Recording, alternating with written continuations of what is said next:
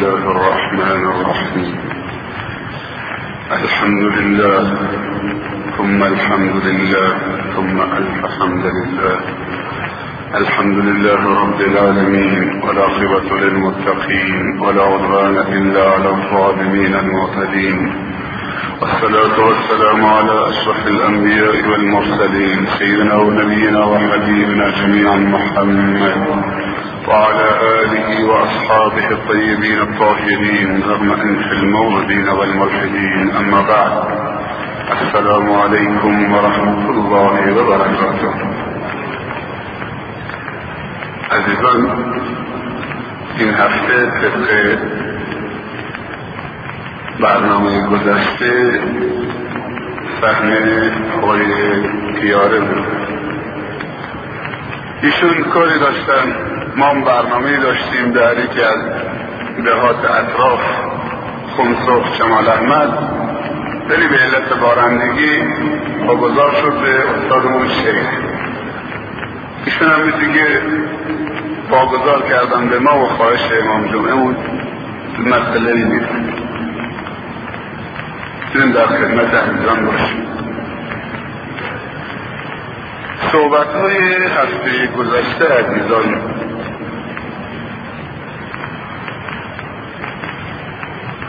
گفتیم که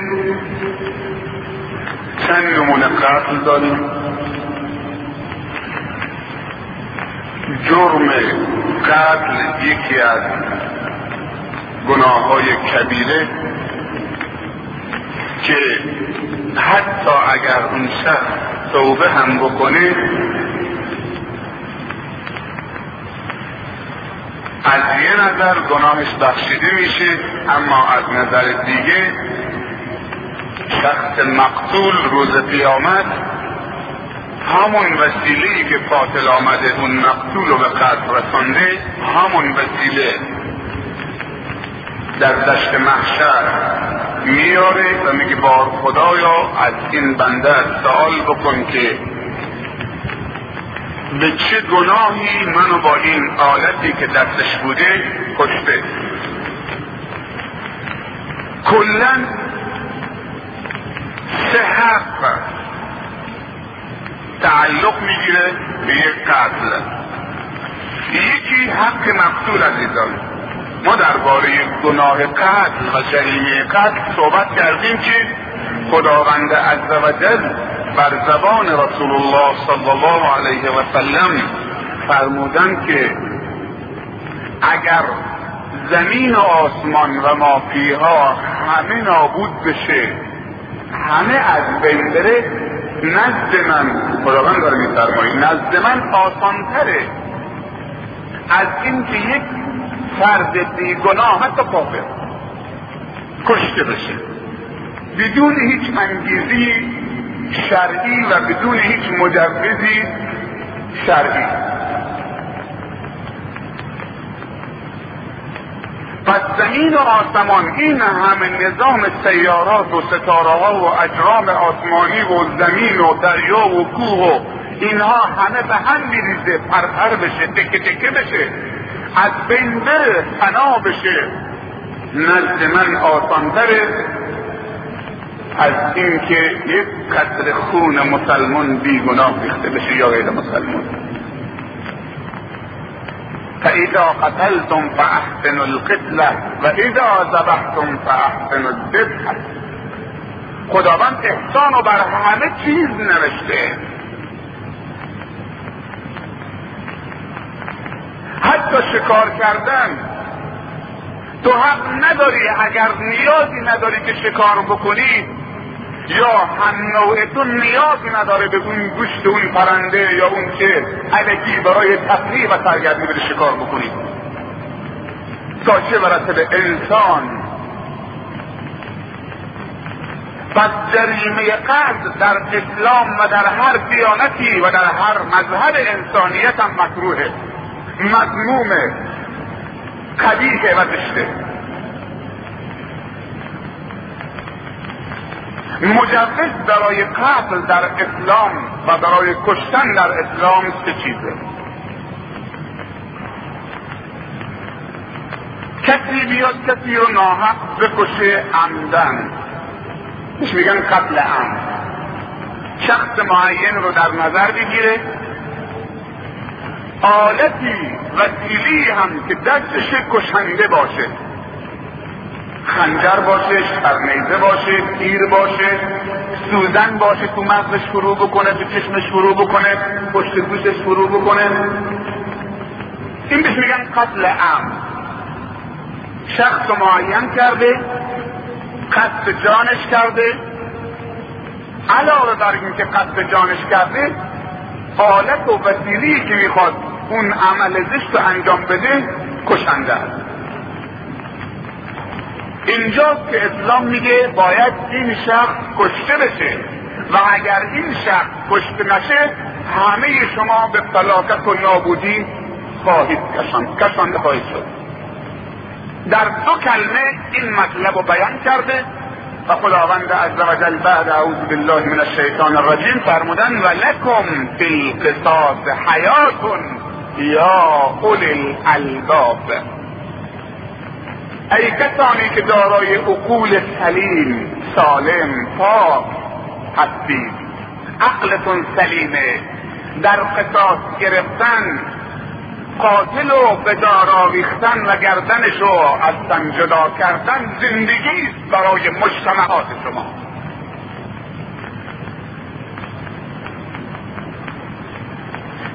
اولین مجدد قتل اینه که قاتل بیاد شخصی رو بکشه تعمد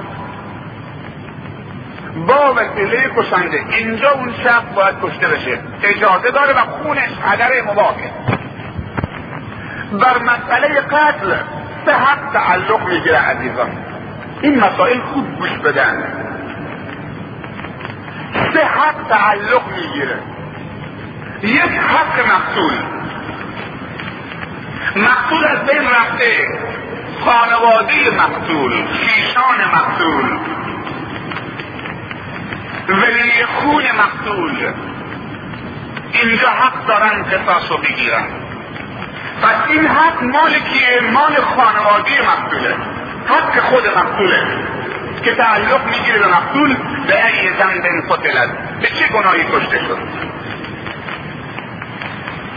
دوم حق مجتمع. اینجا خداوند عزوجل فرمودن اگر شما قصاص نگیرید پس خودتون پرونده نابودی و فلاکت و حلاکت خودتون رو امضا کردید. چون که خداوند عزوجل میفرمایند اگر می‌خواید زندگی بکنید و زنده باشید باید قاتل رو بکشید. قصاصش بگیرید. تند كلمة لكم في القصاص حياة. يا أولي الألباب. حق الظلم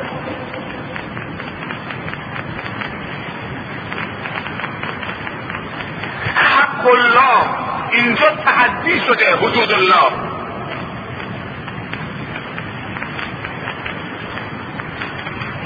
حق مقتول. بازم اینجا با حق الله جمع میشه در قیامت. پس مقتول دو حق داره. یکی در قیامت؟ اون کشته شده. اگر اینجا قصاصش نگیرند یا اونو بکشن حتی قصاص بگیرن دوباره اون مقتول که زنده نمیشه. پس حق مقتول سر جای خودشه. روز قیامت حتی اگر این شخص هم توبه بکنه قصاص هم ازش بگیرن. یا ببخشنش خونده ها بده صد تا شطور بده بازم مقتول یکش رو می‌گیره روز قیامت. پروردگار را در محضر عدل تو از این سوال بکنید به چه گناهی برسیده با این وسیله. با ماشین با تفنگ با هر چیزی با چاقو با نیزه با سوزن با سنگ با هر چیز. دومین مجوز قتل در اسلام که این قتل شرعیه و حلال و مباهه مرد و زنی بیان که حدشون رو تجاوز بکنن ملتبس به عمل زشت و قبیح زنا بشن. مردی که زن داره و زنی که شوهر داره. جوان فرق می‌کنه. مرد و زنی که متعهلن شوهر داره و اون هم زن داره. اگر دوباره رفتن عمل زشت زنا رو انجام دادن حکمشون سنگسار کردن. روز جمعه کنار مسجد جامع در ملع عام همه حاضر باشن. امام جمعه قاضی القضا خلیفه زمان مسلمان ها حاضر باشه و اولین سنگ خودش بزنه. و هیچ رعفت و رحمت و شفقتی نسبت به این افرادی که دارن سنگسار میشن در دل شما زنده نشه. این رحمت و شفقت دیگه محلی از اعراب نداره اینجا. رحمت و شفقت جای خودش. این دست خیلی محترمه. این دست خیلی محترمه خصوصا دست راست چون که انگشت شهاده درشه. این انگشت در نماز رو به قبله میشه و هنگامی که میگه اشهد ان لا اله الا الله فیخ میشه. و علمای دین گفتن هنگامی که می‌خوای ناخونتو کوتاه بکنی ناخون یه چیز فضلیه. زیرش چرم جمع میشه؟ در مذهب سرشت هر انسانی هست. که باید پس بشه پاک بشه. سنت اینه که اول انگشتی که با شهاده می‌دید ناخونش رو بگیرید. بعد این یکی این یکی این یکی این یکی بعد دست چند این دست راست شهاده درشه. خیلی محترمه. اگر این دستی که محترم نزد خداوند و براش ارزش قائل شده آمد خدایی نکرده کج رفت و دزدی کرد اون ارزش و احترام خودش نزد خداوند از دست داده. این دیگه یک چه فضلی میشه. چیز پوچ و بی ارزش و بی معنی میشه که دیگه مفید نمی‌تونه باشه نمی‌تونه محترم باشه. پس این باید جدا بشه به حکم الله. با وجود این که شهاده هم درش هست باید قدش دور انداخت. روز جمعه هم نشون داد. این دست آقای فلانیه. جرمش چیه؟ این دستی که خداوندش داده که در راه الله ازش کار بکشه. رفته به, مال مردم به ناموس مردم دراز شده پس این دیگه ارزش نداره باید قطع بشه. اینجا که نباید بگیم این دست قطع بشه به این زیبایی گناه داره مثل نه. اگر گفتی گناه داره فردا خودت قطع میشی. مجتمع تکه تکه و قطع قطع میشه. توسط همین شب پس هنگامی که یک مرد زندار و یک زن شوهردار میاد زنا می‌کنه اونی که از نعمت ازدواج و نکاح شرعی برخوردار بوده و اون لذت حلال نصیب شده طبق سنت خدا و رسول خدا بعد بیاد پاش رو از گلینش دراز سر بگذاره و بره دنبال هوا و حوتش و لذت شهوانی حیوانیش. از راه نامشروع اون دیگه باید که از بین بره. حتی اگر پسر پیغمبرم باشه.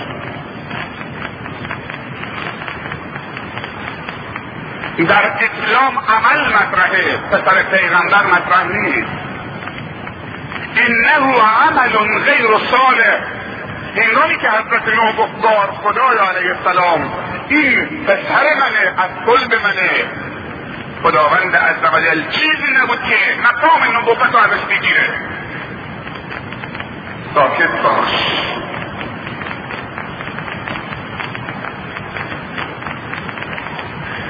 انه لیس من اهلک اون اهل تو نیست فرزند تو نیست. چطوری؟ بعدش انه عمل غیر صالح. عملی که از فرزند تو سر زده غیر صالحه. عمل صالح نیست پس نمی‌تونه فرزند تو باشه. پسرم بیا. نمیام. میرم رو آب میاد میرم رو آب از آسمان آمد. به زمین گفت هرچی در دلت برید بیرون به دریا گفت به خروش. از همه طرف آب فواره می‌زد.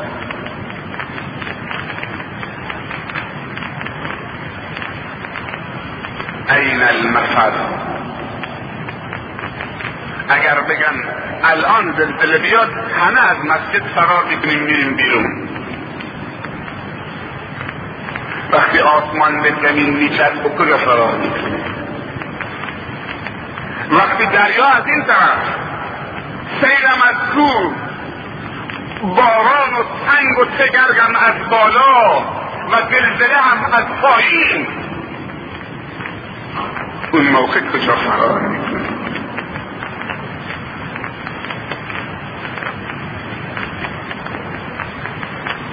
مجوز برای کشتن دوم اول کسی قاتل باشه عمد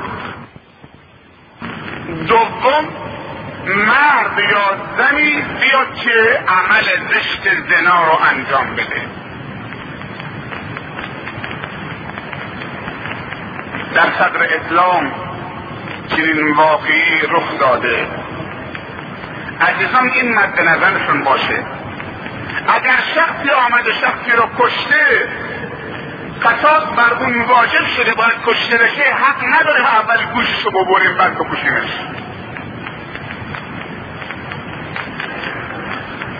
اگر کسی شخصی رو کشته باید بکشیمش حق نداریم پاشو قطع بکنیم دستشو قطع بکنیم. یک سال شکنه بهش بدیم بعد بکشیمش فاذا قتلتم فاحسنوا القتله هنگامی که می‌خوای کسی رو بکشید از نظر شرعی بهترین کشتن رو انتخاب بکنید هنگامی که می‌خوای گوسفندی رو بکشید و اذا ذبحتم فاحسنوا الذبح ان الله كتب الاحسان على كل شيء. فليحد احدكم شفرته وليرح ذبیحته هنگامی که می‌خوای گوسفندی رو بکشید که حلال گوشته! قبل از اینکه اقدام بکنید به ذبح گوسفند اول چاقوت و کارت و درست چیز بکن. وليحد احدكم شف احدكم شفرته اسلام نگاه بکن. نمی‌خواد اون حیوان حلال گوشت زیر دستت رو بکشه کار باید باشه نشونش نده. جلاب گوسفندی دیگه گوسفندی دیگه رو ذبح نکن. دیگه این حدیث رو نقل کردیم. ولیرح ذبیحته اون حیوان حلال گوشتش درست بخوابونه راحت نه اینکه بلند سوکن بزنه به زمین. درست میمیره. گوشتش هم میره تو معده تو تو شکم تو تو دید تو. اگر عزیزان چند سال پیش بر بگردیم نگاه بکنیم من با این دو تا چشم سرم خودم بارها دیدم. مرغ رو می‌خوان بکشن خروس رو می‌خوان بکشن. من اینجا دیدم. بارها دیدم که اون کسی که مرغ و دستش دادن چه کار کرده؟ در جا رفته دنبال سیخ درخت نخل خرما. سیخ و کنده آورده جلو چشم خودم. من بچه بودم. ولی زج میکشیدم. این چی کاریه؟ سیخو میاره زبان اون مرغ شاید اکثر عزیزان دیدن. زبان اون مرغ یا زبان اون خروس رو بیرون می‌کشه. و سیخو می‌زد توش اینطوری زبانش کف می‌کرد که زبانش بر نکرد چه پیغمبری چنین گفته؟ کدوم خدایی به تو دستور داده که سیخ بزنید؟ هنوز حیوان زنده است. زبانش رو در بیارید سیخ بزنید وسط زبانش بعد دو طرف منکارش حکش بکنید زبانش بعد که کار رو بگذارید. رسول الله صلی الله علیه چه دارن میفرمایند؟ حتی نسبت به حیوان. میگه فرنگی رو که زنده است نگیرید دست پاش ببندید بگذارید رو دیوار برای تیر اندازی که نشانه بگیرید تیرم خوب یا نه. به هدف می‌خوره یا نه. به حیوان اینقدر ارزش قائل شده به خون حیوان. تا چه برسه به خون آدمی که شایسته است. که زمین آسمان خراب بشه و اون خون بیگناه ریخته نشه و اگر خونی بیگناه ریخته بشه عرش خداوندی به لرزه در بیاد و اون لرزه عظمت الله در دل قاتل شب و روز خوابش رو ازش می‌گیره.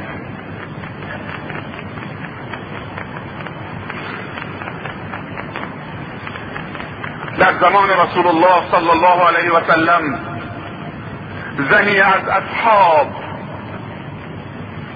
زنی شوهردار مرتکب عمل زنا شدند. این مد نظرتون باشه عزیزان. زنهای صحابه و اصحاب رسول الله زناخوار نبودند. افتخار برای علما افتخار برای ماعز و زن غامدیه که زنا کردن و حدشون از اصحاب رسول الله صلی الله علیه وسلم بودن. در تاریخ اسمشون ثبت شده با این وجودی که زنا کردن. چه داره میگه تاریخ؟ روزی حضرت ماعز رضی الله تعالی عنه آمدن خدمت رسول الله صلی الله علیه و سلم. گفتن یا رسول الله من در خلوت زنا کردم. هیچ کس منو ندیده مگر الله. عمل زشت زنا رو انجام دادم با که زن دارم. توش افتادم آمدم پیش تو در مسجد تو در جمع اصحاب تو. مرا پاک بکن یا رسول الله. چون که عذاب دنیا آسانتر از عذاب آخرت. آمدم پیش تو منو پاک بکنید می‌دونی معنی این چیه. هیچ کس منو ندیده. مگر الله. با اون زنی که با هم بودم آمدم که منو پاک بکنید. اون ماعد خیلی درست می‌فهمه که معنی پاک کردن یعنی چی؟ یعنی سنگسار کردن. اونو در یک چاله نگه داشتن. یه چاله هم نمی‌خواد. بهش میگن اینجا بیش. مردم حلقه می‌زنند میلیون عدد. سنگ کوچک نه سنگ بزرگ. این اندازه باقلایی که اون بزرگتر. امام جمعه رسول الله صلی الله علیه وسلم اصحاب خلفای راشدین همه در اون حجم حضور دارند ماعز آمده گفته یا رسول الله منو پاک بکن زنا کردم. هیچی کسم منو ندیده به جز الله من خالق من رازق من. من پام لغزیده. باید پاک بشم چون که می‌خوام در محضر الله بیستم و اونجا نگاه به جمال الله بکنم. اگر اینجا پاک نشم اونجا نمی‌تونم نگاه بکنم. اشتباه کردم. رسول الله صلی الله علیه و سلم روش بست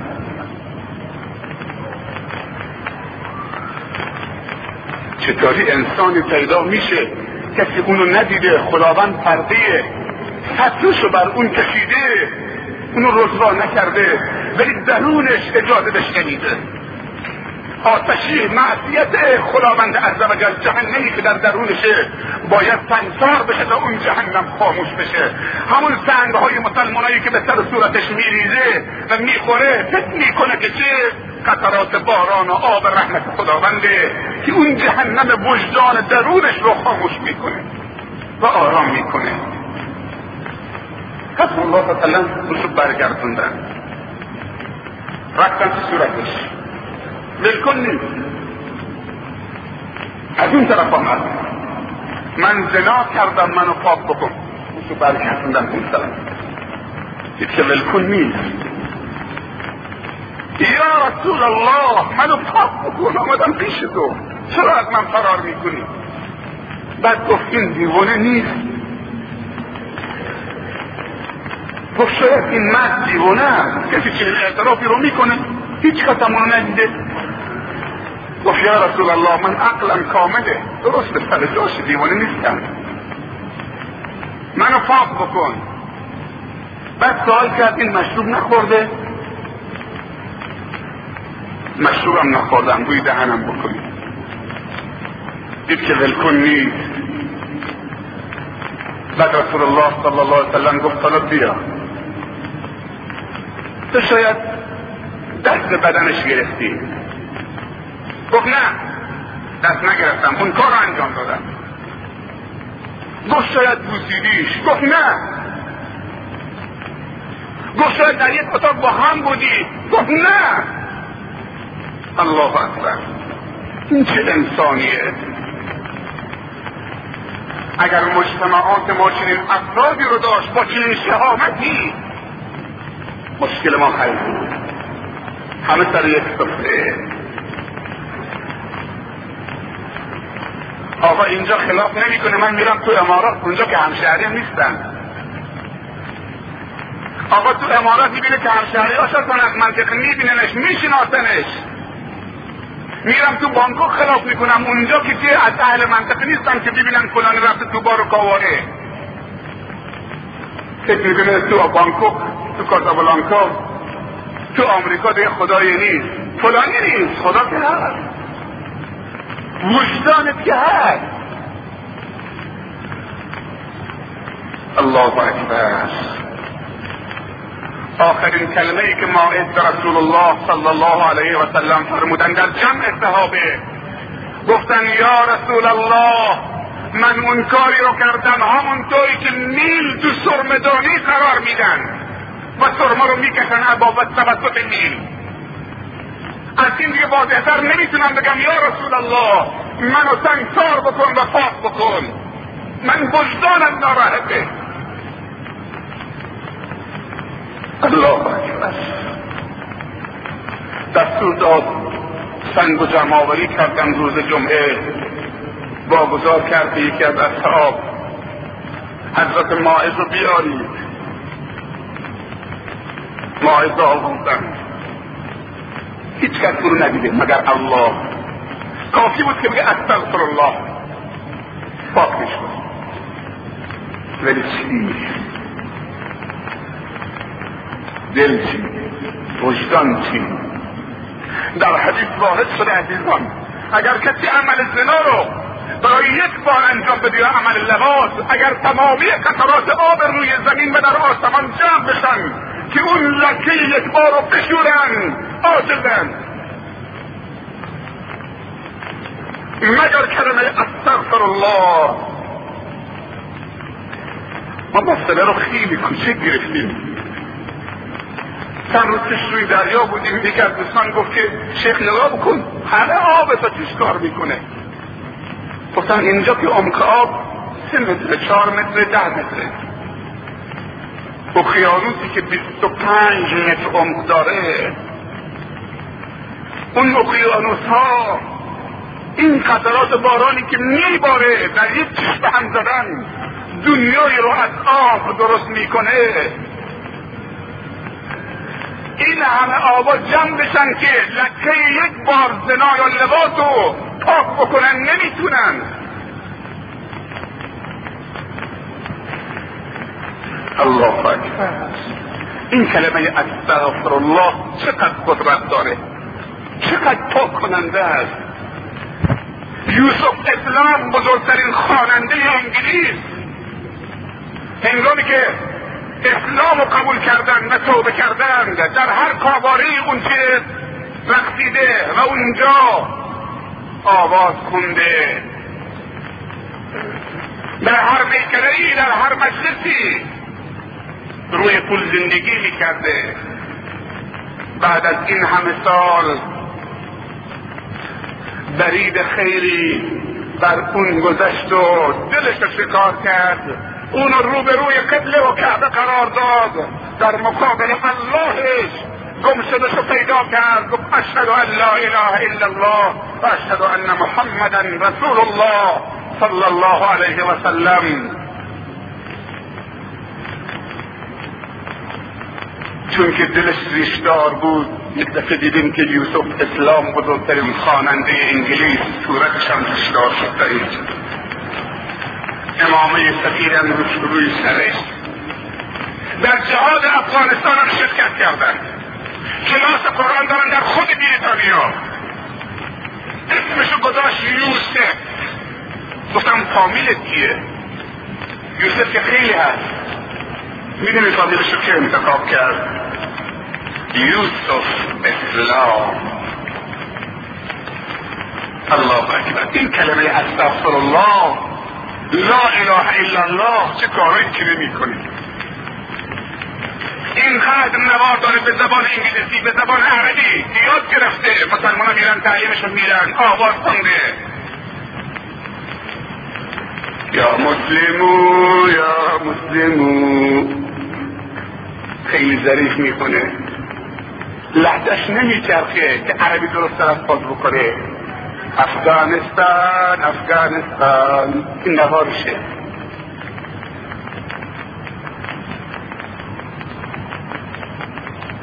ماهد سنگ و جمع کردن سنگسارش بکنید یه سنگ که بهش زدن دردش آمد. آدم بیسته و سرو از همه دردش آمد. اون از سر کلش جاری شد. فرار کرد. دوید صحابی رسول الله سلم دنبالش. با سنگاشون. دوید دوید گیرش آوردن.